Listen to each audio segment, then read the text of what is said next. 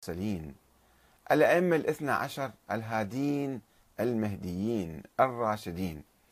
هم أفضل من جميع الأنبياء والمرسلين إلا خاتم الأنبياء لأنهم ورثته وتبع له. إبراهيم النبي إبراهيم أفضل ممن تبعه وليس بأفضل من ورثة خاتم النبيين.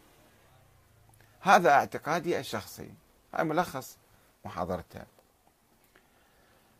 أه ويقول هذا ليس بالضرورة معتقد الشيعة وإنما معتقدي أنا وليست معتقد عامة الشيعة. طيب أنت الآن قاعد تجيب فكرة جديدة وتتحدث عن إمامة وجودية وإمامة تكوينية. فما هذه الإمامة الوجودية التكوينية غير الإمامة السياسية المفهومة أو التي يحاولون أن يستدلوا عليها بحديث الغدير أو بالنصوص الموجودة على الإمام علي؟ فكتبت له 12 سؤالا ورجائي منه أن يجيب عنها بصورة تفصيلية. أه واحد هل تبني عقيدتك في الأئمة على القرآن الكريم أم على زيارة وارث التي لا يعرف من اختلقها وشنو مصدرها ومنين جاءتنا هذه الزيارة؟ زيارة في مفاتيح الجنان أو في كتب الأدعية. من أين جاءت هذه الزيارة؟ من ألفها؟ من كتبها؟ يعني مو معروف حقيقة. اثنين كيف تثبت الإمامة لأئمة أهل البيت الاثني عشر؟ واحدا بعد واحد. كيف تثبتهم واحد بعد واحد؟ بالنص بالوصية بالمعجزة بعلم الغيب بالعلم بالكبر باختيار. كيف تثبت هذه الإمامة لأئمة الاثنى عشر؟ هل درست هذا الموضوع جيدا أو لا؟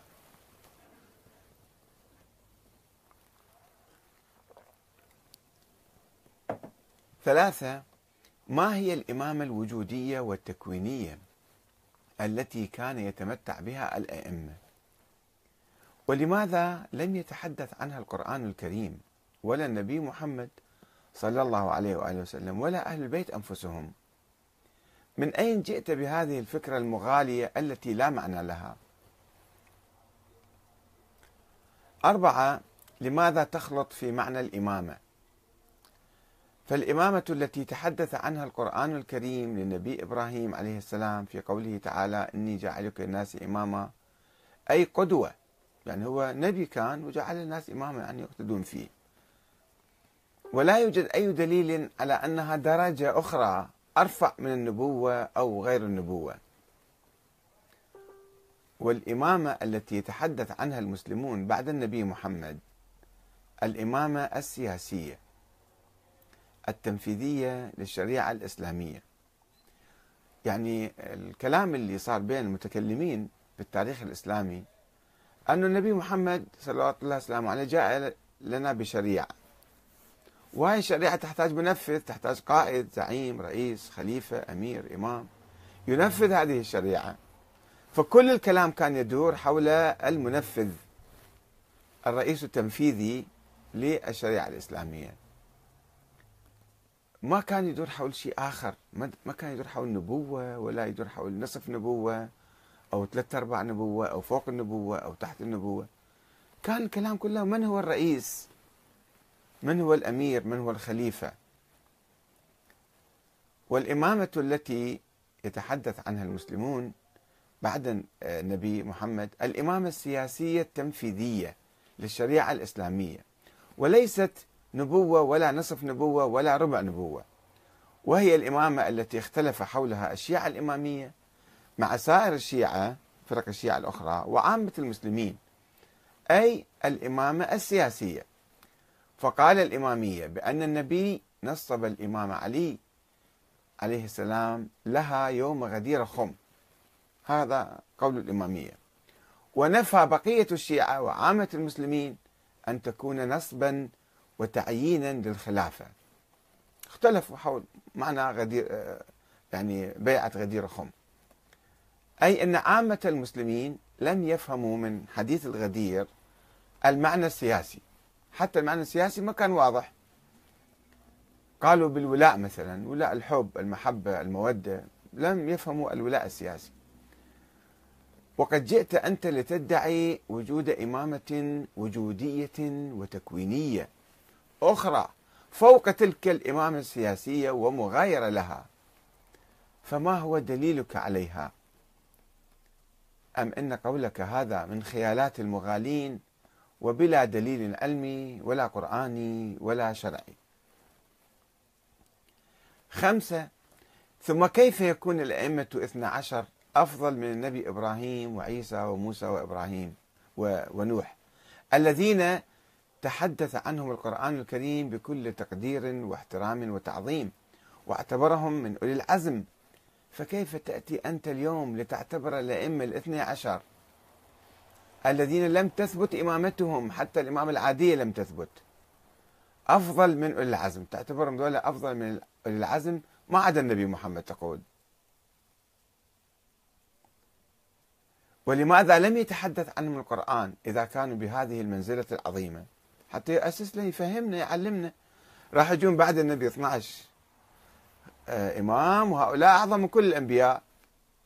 ليش ما تحدث القرآن؟ أم إن الله لم يكن يعرف ذلك والعياذ بالله؟ هل تريد أن تختلق عقيدة مغالية جديدة؟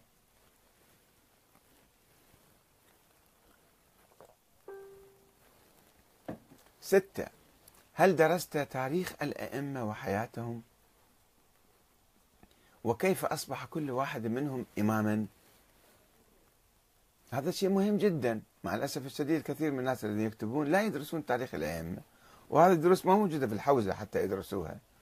يروحون لكتب ابن عربي وكتب فلان وكتب فلان وينسون تاريخ أهل البيت وأحاديثهم